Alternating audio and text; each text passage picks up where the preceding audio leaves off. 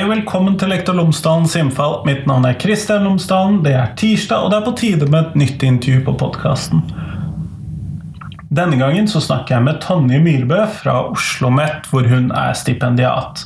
Vi snakker om fordomsundervisning, og vi snakker om det å by på seg selv som lærer i denne undervisningen. Hvilken rolle spiller ens egne fordommer, hvilken rolle spiller ens egne gruppetilhørigheter inn i dette. Så det er rett og slett fordomsundervisningen og det at vi når vi snakker om fordommer, jobber med fordommer, jobber med kultur, jobber med alle disse tingene, det er dagens tema på podkasten. Ellers, podkasten er som alltid sponset av Cappelen Dam Utdanning, og hvis du går inn på skolen.cdu.no, så finner du alle de ressursene, oppgavene, informasjonen, lærerveiledningen osv. som Cappelen Dam Utdanning har laget i forbindelse med fagfornyelsen i grunnskolen. Alle fag, alle tema, alle årstrinn, alt sammen, det finner du der. Så skolen.cdu.no. Her får du intervju med Tonje. Vær så god.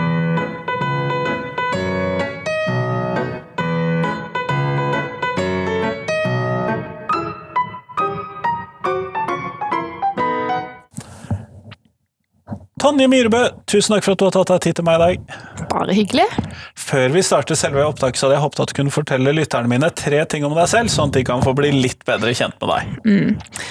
Da blir det liksom litt de tre nære tingene, da, som er liksom meg som person. Og skal vi starte helt liksom nærest, så bor jeg i Oslo med tre unger, en hund og en katt. Og heldigvis òg en mann oppi alt det her, så jeg har en ganske sånn livlig hverdag. Eh, utover det så har jeg jobbet veldig mange år som lærer i barneskolen. 16-17-18 år, tror jeg. Så jeg har litt erfaring derfra.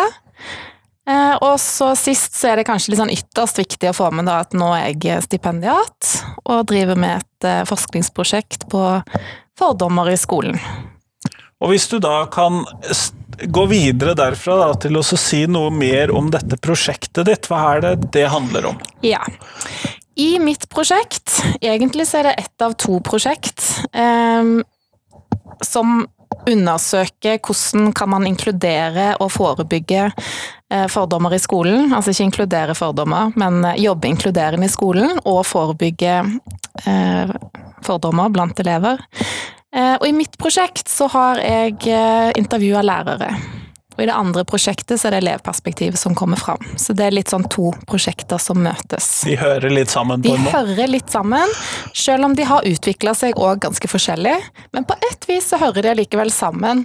Og det er noe knytta til meningsmangfold i skolen der som er en slags fellesnevner. Ja. Men eh, jeg har da som sagt intervjua lærere i ungdomsskolen og videregående skole. Og mitt eh, utgangsspørsmål var egentlig hva gjør du? Hva er praksisen din, hva er strategiene dine? Hva gjør du når elever eh, roper at eh, alle utlendinger skal dø? Eller eh, når eh, den jødiske jenta i klassen får en kjip SMS fra en annen gutt i klassen knytta til at du gjør det. Hva gjør egentlig lærerne da? Så um, både det med de der uforutsette situasjonene som plutselig kan oppstå når som helst, eller ikke, og det der generelle forebyggende arbeidet. Det man kan kalle kanskje danningsoppdraget til lærerne. Men vi da, Kan vi starte med å si da noen sånne litt sånne generelle ting som du da har funnet i dette arbeidet? Er det mulig å mm. gjøre det? Altså For det første syns jo lærere det er veldig vanskelig å egentlig vite hva som er fordommer blant elever. Og her handler det veldig mye om de sosiale dynamikkene. Det at elever, eh, litt avhengig av kontekst og kanskje klassested, alt mulig, eh, kan bruke mange ord som er tabu. Men er det allikevel fordommer, eller er det bare på en måte sosiale dynamikker, humor, eh, måte å eh, binde eh, vennskap, relasjoner eh, Det er den ene tingen, at eh, lærerne jobber ganske hardt med å fortolke hele tida hva er det egentlig som foregår her. Er det en uskyldig situasjon eller en humorbasert situasjon, eller en direkte krenkende situasjon? Ikke sant, og ikke minst så er det sånn de involverte elevene Den eleven som kanskje kan føle en tilknytning til en eller annen minoritetsgruppe som eh, fordomsbruken da, er retta mot føler den seg sårbar. Det ser ikke sånn ut, men likevel. Det er jo mitt ansvar at dette ikke skjer. Og så Det foregår hele tiden sånn ambivalens. Eh, for det er så mange motstridende signaler eh, i det som skjer mellom elevene. Så lærerne bruker ganske mye energi, i hvert fall sånn de forteller meg i mine intervjuer, på å egentlig skjønne hva er det som foregår her. Så det blir jo òg en del av praksisen deres, da. Det er den å fortolke og prøve å forstå. Eh, og så er det jo òg det at lærerne er veldig opptatt av relasjon i dette arbeidet. Jeg tror jo kanskje det at lærere generelt er veldig opptatt av å ha gode relasjoner med elevene. Eh, det er noe litt sånn omsorgsdiskurs, kanskje, i norske lærerprofesjonen. Det det, men det ligger kanskje en forventning om det? Ja, det er noe der.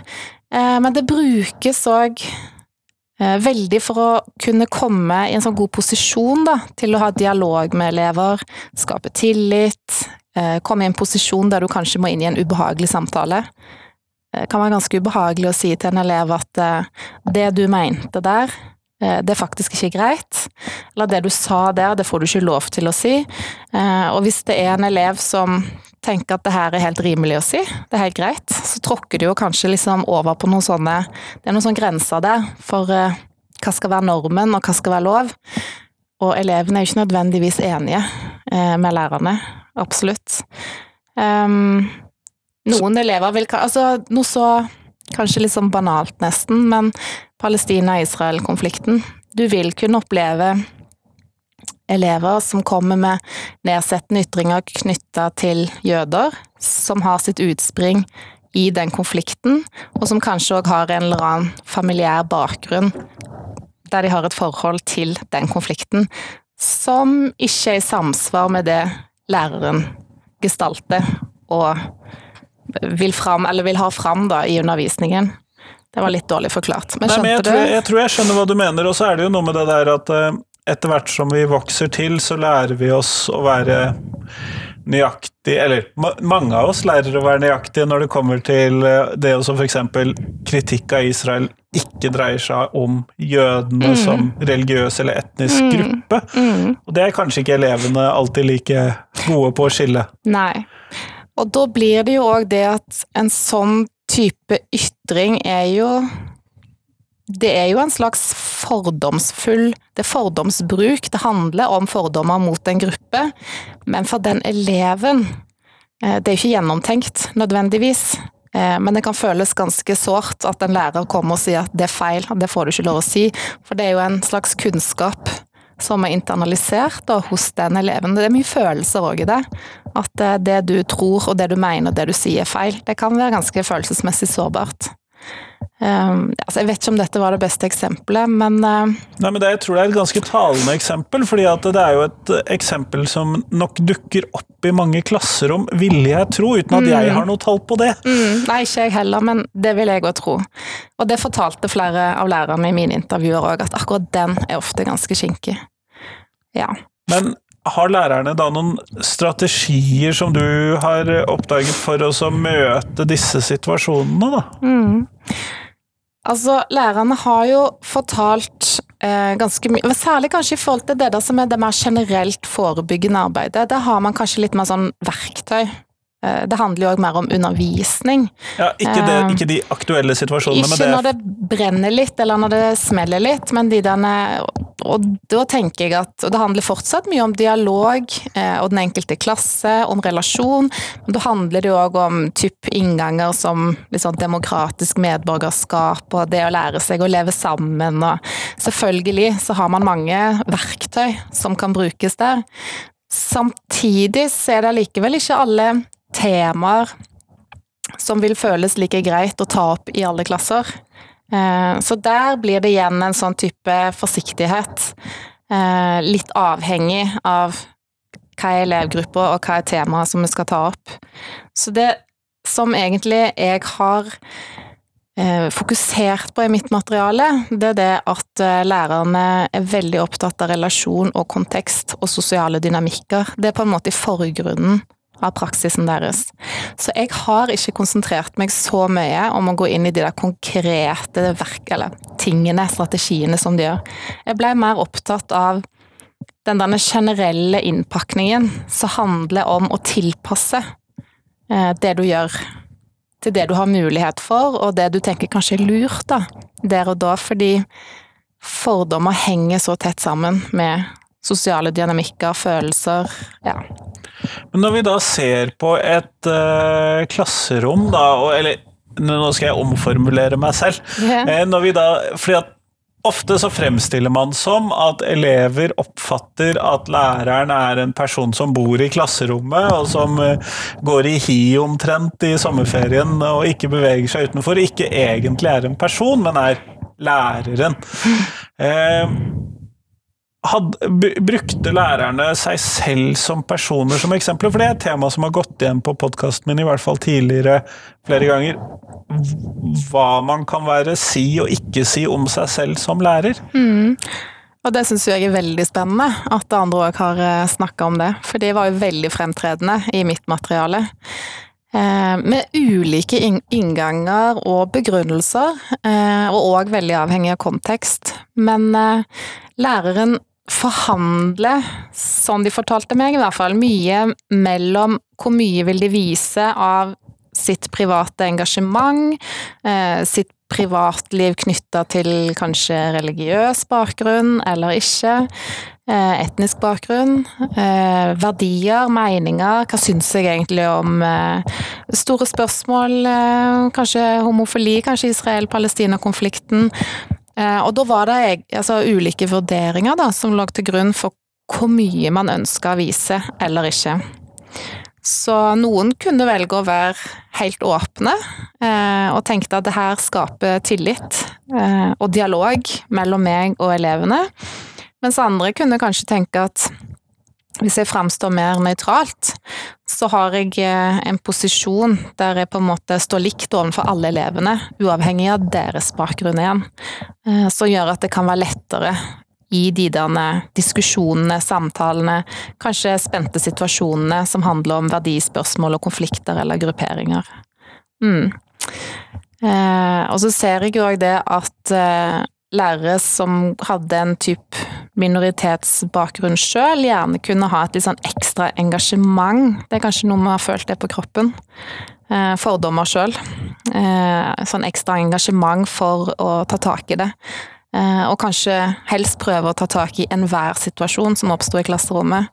Mens de pekte på at de syntes ikke nødvendigvis at alle andre lærere gjorde det som kanskje ikke oppfatter situasjonen på samme måten. For eksempel der når elevene sier en eller annen eh, kommentar i forbifarten om en eller annen gruppe eller en eller annen person eller, ja, eller kvinner på kjøkkenet. Ja, jævla homo, ja. ja. Så er det noen som sier 'jeg tar det hver eneste gang'. Det er ikke aktuelt engang.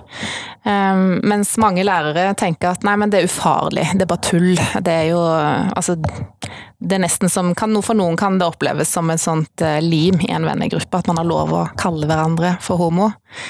Mens uh, noen lærere mente at det er aldri aktuelt, uh, og jeg skal forklare hvorfor. Mm.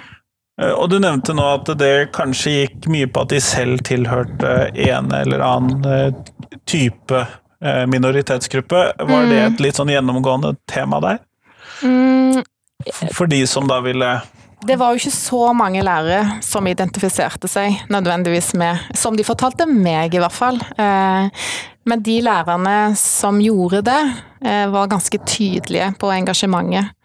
Eh, og så var det jo litt ulikt der òg, om de var åpne om sin egen bakgrunn til elevene. Men jeg hadde spesielt en lærer som brukte det aktivt for å vise at eh, ja, hvis du føler deg litt annerledes, så kan du kanskje se på meg. At dette her, og jeg kan liksom synliggjøre at eh, det er lov. Altså, det er ikke farlig å være annerledes.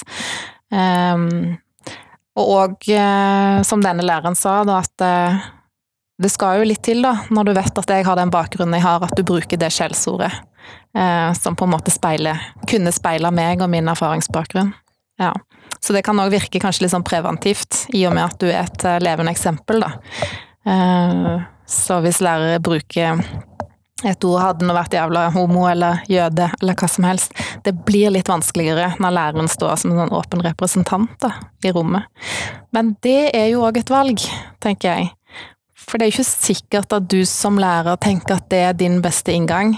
Eh, som sagt så velger noen heller å framstå mer nøytralt for å få liksom, kanskje litt sånn større spennvidde da, for dine innganger i møte med elevene.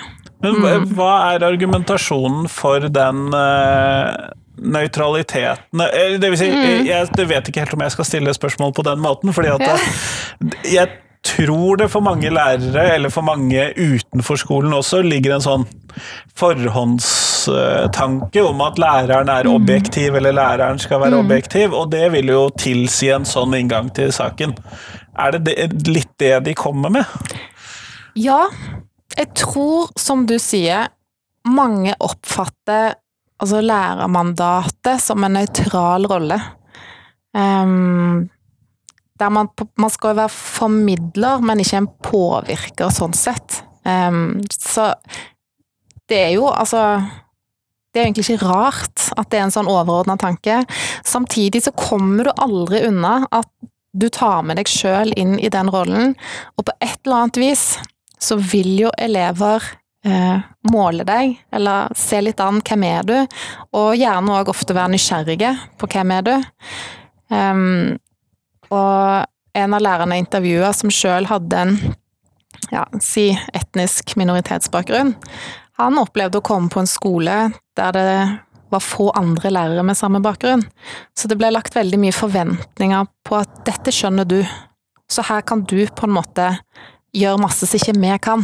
Så han ble gitt en posisjon, og det ble stilt forventninger til hvem han skulle være, og hva han skulle ordne opp i i elevgruppa fordi de antok ting. Han var utlendinglæreren, altså, så hører ja, jeg litt i det. Det kan du godt si. Ja. Mm, så eh, jeg tror at uh, Ja, det, det, kan godt uh, på en måte ligge i mandatet at man skal komme inn som en nøytral verdiformidler, men du kan ikke være det. Absolutt. Du kommer inn med deg sjøl på et eller annet vis uansett, og det tror jeg det er viktig at lærere vet og er oppmerksom på. Mm. Men da blir jo, eh, ut ifra det jeg hører, da, fordi at eh, Og dette rimer jo egentlig ganske greit overens med noen av de tankene jeg har gjort før, men det høres jo litt ut som at eh, læreren, den objektive læreren, er en eh, mer eller mindre voksen eh, person med norske aner mange generasjoner tilbake, og er sånn mer eller mindre statskirkelig, og har en mer eller mindre sånn skolevant familiebakgrunn, og som i større eller mindre grad bare eksisterer litt på skolen, og har 2,3 barn, eller et eller annet sånt. Mm. Ja, virkelig inkarnasjonen av, nå er det hermetegn her, norske verdier. Ja. ja. Mm. Men det blir jo litt vanskelig å skulle være nøytral når skolen setter en del verdier som den også skal formidle, da. Mm. Og så kan det jo, jeg tror mange elever opplever det litt som en sånn troverdighetsskapende prosess òg. Å vite litt mer hvem er læreren, at du blir en person. Um, jeg tror òg det bidrar til å skape den relasjonen som mange av lærerne var opptatt av at de trengte for å kunne ta tak i fordomsfulle ytringer eller handlinger eller spente situasjoner som handler om verdier og holdninger. Så jeg tenker hvis den relasjonen skal være på plass, så er kanskje det å vite at du som person òg er viktig for elevene, kanskje sånn til en viss grad i hvert fall, viktig å ha med seg. Mm. Men jeg tenker òg at lærere skal jo absolutt ha frihet til å velge hva de vil dele eller ikke. Og jeg tenker at det ikke er det det er avhengig av, men at du skal likevel kanskje ha med deg den tanken at for elevene så er du kanskje den ok, minoritetsbakgrunnslæreren, eller den etnisk kvinnelige norske læreren. Altså, de vil jo på et eller annet vis òg avlese deg, og det er greit å vite at du har med deg det inn i rommet. For jeg tenker fordommer handler jo mye om maktposisjoner, privilegier. Ehm, det er ikke bare eh, hva skal man si, kategoriseringer av folk, det er jo det at det er noe negativt som følger med det. Eh, og da er det kanskje viktig å vite hva du bringer med deg inn, hva slags posisjon er du i når du skal inn og arbeide mot fordommer. Ja.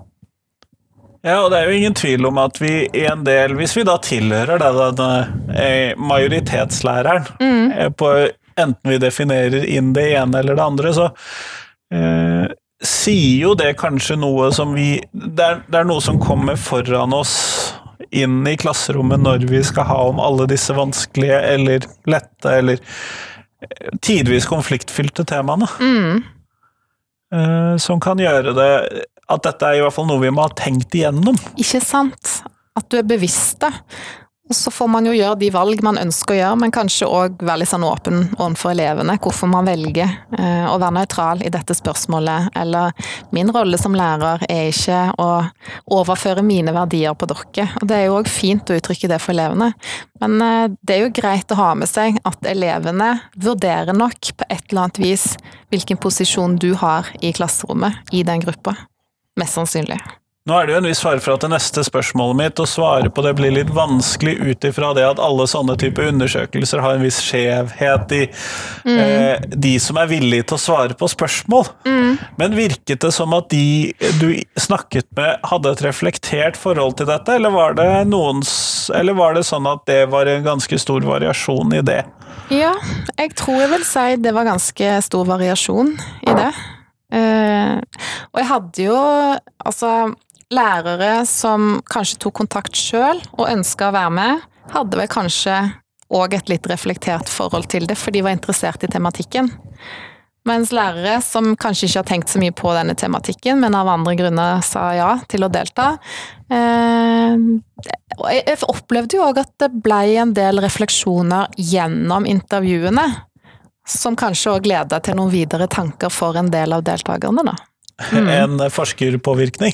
ja, kanskje det. Eller det når man setter seg ned og begynner å snakke om disse tingene. At eh, ok, så begynner man å man får i gang noen sånne tankeprosesser som man ikke har tenkt så mye over før. Fordi man Ja, det er ikke en tematikk man har vært mer eller mindre interessert i. Ja. Men når vi da som lærere skal uh, prøve å ha dette i bakhodet, da. Mm. Var det noe som av tematikker som dukket opp særlig i tilknytning til dette. Religiøs tilhørighet, etnisk tilhørighet og eh, type være skeiv eller ikke skeiv, er jo noe som jeg har hørt. Er det noen andre sånne perspektiver som du tenker at vi bør ha med oss når vi skal eh, møte elevene, som vi i hvert fall bør ha tenkt igjennom at vi kommer inn med i klasserommet? Eh, godt spørsmål. Eh for det her er de som var framtredende i Ja, for dette er jo de som er ofte ganske lette ja. å ta, eller ja. å peke på. Mm, mm. Um, det var et veldig godt spørsmål, som jeg ikke umiddelbart klarer å se at det var Altså opprinnelig så hadde jeg jo òg blant annet med det med funksjonsnedsettelse som en del av tematikken, eller minoritetstilhørighetene som jeg tenkte kunne være interessante. Det ble aldri et tema i min studie. Kan jeg få lov til å gjøre, ha en sånn uh, mistanke om hvorfor det ikke var? Ja. Jeg mistenker jo at det er relativt få lærere med hva skal vi kalle det, funksjonsnedsettelser eller funksjonsvariasjoner utover sånn typisk brillebruk eller Ja, men Her tenkte jeg mer på at det kunne vært elever ja, i sånn, klassen ja. som da likevel da ville vært eh, eh, nedsettende ytringer eller et eller annet som kunne på en måte rettes mot. Ja, sånn ja. ja for mm. nå tenkte jeg på lærerne som person. Nei, nei, nei. nei, nei det handler mer om hva type eh, fordomsbruk var det som var mest eh, vanlig, og det er jo disse her Det er kjønn, eh, seksuell orientering, eh, etnisitet, religiøsitet Ja. Det er jo disse som disse er frem. Disse store. Det var jo de som var framtredende her òg. Mm. For temaene sprang jo ut ifra hva, hva lærerne oppfatta at elevene drev med. Så det var jo det som var utgangspunktet. Og så blei et sånt veldig åpenbart sidespor, det blei at det handler jo mye om læreren òg. Eh, så det læreren gjør, det læreren ser, eh, og det læreren er opptatt av, handler jo mye om hvem er den personen som kommer inn i rommet. Mm. Ja, og der er det jo, for man kunne jo kanskje tenke seg at type fattigdomsproblematikk kunne være en eh, faktor inn i mm. dette, men Klasse? Ja. ja. Nei, klasse var det lite Og det er mulig at det kanskje sånn umiddelbart oppfattes eller regnes inn som en del av fordomsområdet. Jeg vet ikke. Men Nei. altså kan det jo være en faktor at de fleste lærere tilhører jo på en eller annen måte middelklassen. Det er jo, et, Mm. du, det er jo det mest stereotypiske middelklasseyrket, kanskje. mm, absolutt. Ja. Eh, som gjør at det kanskje ikke er så lett å tenke seg. Mm. Og du som forsker er jo avhengig av at dette er ting som om det kommer fra informantene dine eller ikke. Ja. Så jeg kan jo ha mine antakelser eller interesser eller hva som helst, men det er jo deres historier som danner fortellingen i min studie. Mm. Men oppfattet de Det virker jo som, ut ifra det du sier, at disse tematikkene og møtet med elevenes um, utsagn og fordommer og sånn, var litt touchy eller vanskelig å jobbe med. Kan det stemme? Ja, og jeg tror det òg på et vis er vanskelig å snakke om, fordi altså for det første så vet jo verken de eller jeg eh, noe egentlig om elevenes holdninger. Eh, vi vet kun hva de gjør. Jeg vet, eh, jeg vet jo heller ikke hva de gjør, jeg vet bare hva lærerne forteller at de gjør. Og ser. og, og ser. Så, så det er jo det at eh, Det er jo et vanskelig eh, område bare i kraft av at holdninger er ikke målbart, eller man vet jo ikke helt. Og så har du jo absolutt den utfordringen med hva kaller man? Eh, er begreper er det som er riktig å bruke? Var det egentlig rasisme, eller handler det om er det liksom nærmere fordommer? Eller var det mobbing, kanskje? Altså at det er òg vanskelig som begrepsfeste, hva er det egentlig som foregår? Og så på toppen av det igjen, da, så kan det jo være vanskelig å både ja, begrepsfeste og benevne det som handler om ulikheter mellom elevene. Eh, og sist, men eh, kanskje ikke minst, så kan det være litt sånn ubehagelig å snakke om det som kan oppfattes som negative historier om elevene. Så det lå liksom mange sånne lag da, av ting som gjorde at eh, ja, det, det blei mye sånn refleksjoner eh, som tok utgangspunkt i kanskje konkrete hendelser de hadde skjedd, men med litt sånn usikkerhet om egentlig er det fordommer, eller er det ikke. Ja.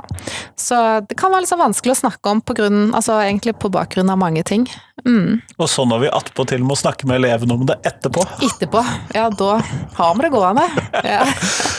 Jeg, hører jo at dette her er både interessant og vanskelig, og samtidig ganske sånn tett på lærerhverdagen. Ja, ikke sant? Eh, ja, det er komplekst. Eh, og, selvfølgelig så var det mange lærere som sa at dette har jeg veldig lite erfaring med. Det skjer jo ikke nesten på min skole. Mens andre opplevde at eh, ja, det her skjer daglig. Eller elevene har en sånn språkbruk. Eller sjeldnere, men flere hadde òg erfaring med de der ganske stygge episodene. For eksempel denne her jødiske jenta som fikk Melding i klasserommet. Nei, meldinger på telefonen, ikke i klasserommet, men på telefonen, som var ganske skremmende, eksempel. Og så var det òg en del lærere som prøvde å jobbe med elever over tid, for å få dem til å forstå at eh, det er ikke sånn at alle utlendinger tar alle pengene i Norge, eller burde bombes, eller Og det kan sitte ganske fast hos elever. Når de først har begynt med den historien, og sagt det høyt, så kan det ta ganske lang tid for lærere å, å, å, å jobbe med den. Eh, og da kom jo veldig det her med relasjon fram. Dialog og relasjon. Eh, for liksom komme inn på eleven, da. Mm. Verktøykassa, rett og slett. Verktøykassa, ja. Mm. Men Kjempeflott. Du, vi går mot slutten, Tonje, og da lurer jeg jo på hva er de tre viktigste tingene som eh, skolen lærer elevene? Det var det, da. Altså, da får man jo egentlig lyst til å si litt flere ting enn tre. Så dette er vanskelig.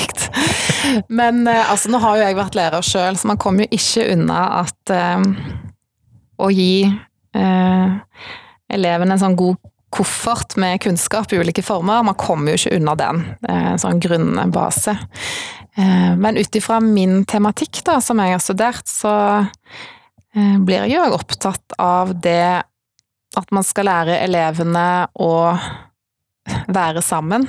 eh, uavhengig av bakgrunn eller eh, posisjon eller privilegier.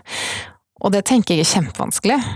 Um, jeg tror ofte, eh, særlig kanskje på høyere nivå, så kommer du gjerne inn i klasserom som er ganske delte. Eh, grupperinger. Eh, og det er ganske naturlig, men det er det å liksom jobbe litt imot det. ja. Og så var det den siste tingen, da. Vi kan klare oss med to i dag. Kan vi det? Eller så kan vi ta noe litt sånn høyt som kanskje det der med respekt. Respektere hverandre. Henger litt sammen med forrige punkt, altså, men eh, ja. Respekt henger sammen med det meste. Sånn det, det gjør det, men det er viktig. Mm, med respekt for hverandre. Kjempeflott. Ja. Tusen takk for at du tok deg tid til meg i dag. Bare hyggelig.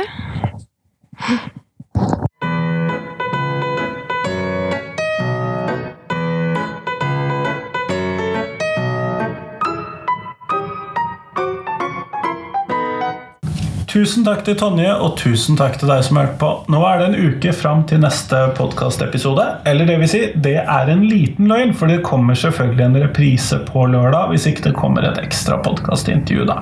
Så, men i hvert fall egentlig en uke til et helt nytt intervju på podkasten. Men stopp gjerne innom og hør en reprise også. Eller så satser jeg på at du deler podkasten min med noen, sånn at noen andre også får med seg denne podkasten. For det blir i hvert fall jeg veldig glad for. Jeg er veldig glad for at veldig mange hører på podkasten min. Det hjelper eh, på motivasjonen, selvfølgelig. Men eh, jeg ville nok laget dette uansett, for dette er veldig gøy. Men hjelp meg å få enda mer motivasjon. Det blir jeg veldig glad for. Men nå, nå skal du få en god uke videre. Hei, hei.